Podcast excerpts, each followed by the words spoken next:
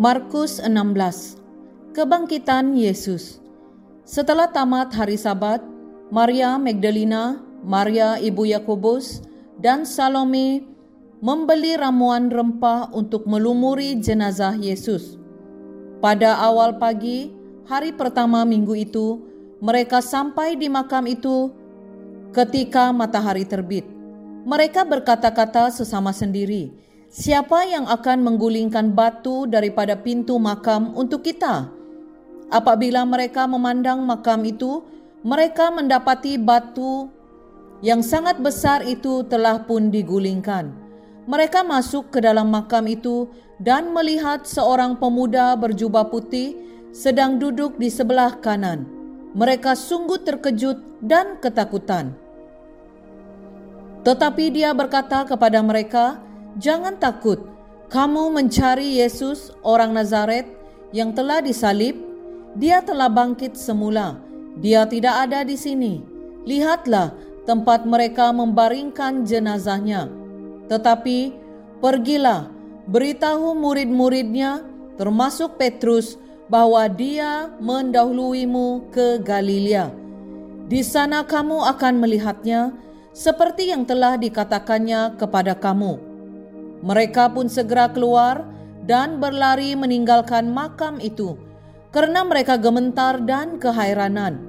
Mereka tidak berkata apa-apa kepada sesiapa kerana mereka takut. Setelah Yesus bangkit semula pada awal pagi hari pertama minggu itu, pertama sekali dia menampakkan dirinya kepada Maria Magdalena, yang telah disembuhkannya daripada dirasuk tujuh roh iblis dahulu. Maria pun pergi memberitahu murid-muridnya yang sedang berkabung dan menangis. Ketika mendengar bahwa Yesus hidup dan telah dilihat oleh Maria, mereka tidak percaya. Selepas itu, dia menampakkan diri dengan cara lain kepada dua orang daripada mereka ketika mereka sedang berjalan ke desa. Kedua-dua orang murid Yesus itu segera pergi memberitahu yang lain, tetapi mereka juga tidak percaya. Kemudian dia menampakkan diri kepada kesemua muridnya yang sebelas itu ketika mereka sedang makan.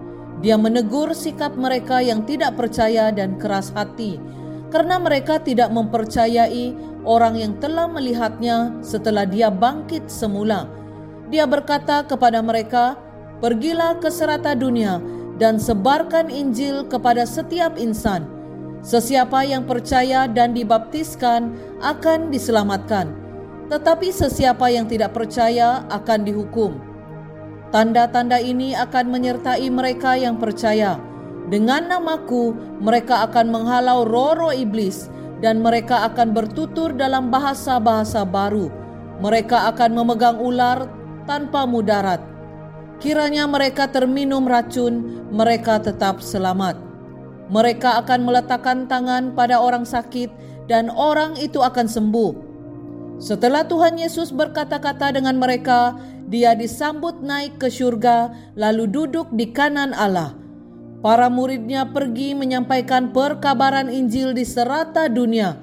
Tuhan bekerja bersama mereka, mengesahkan firman dengan iringan tanda-tanda ajaib.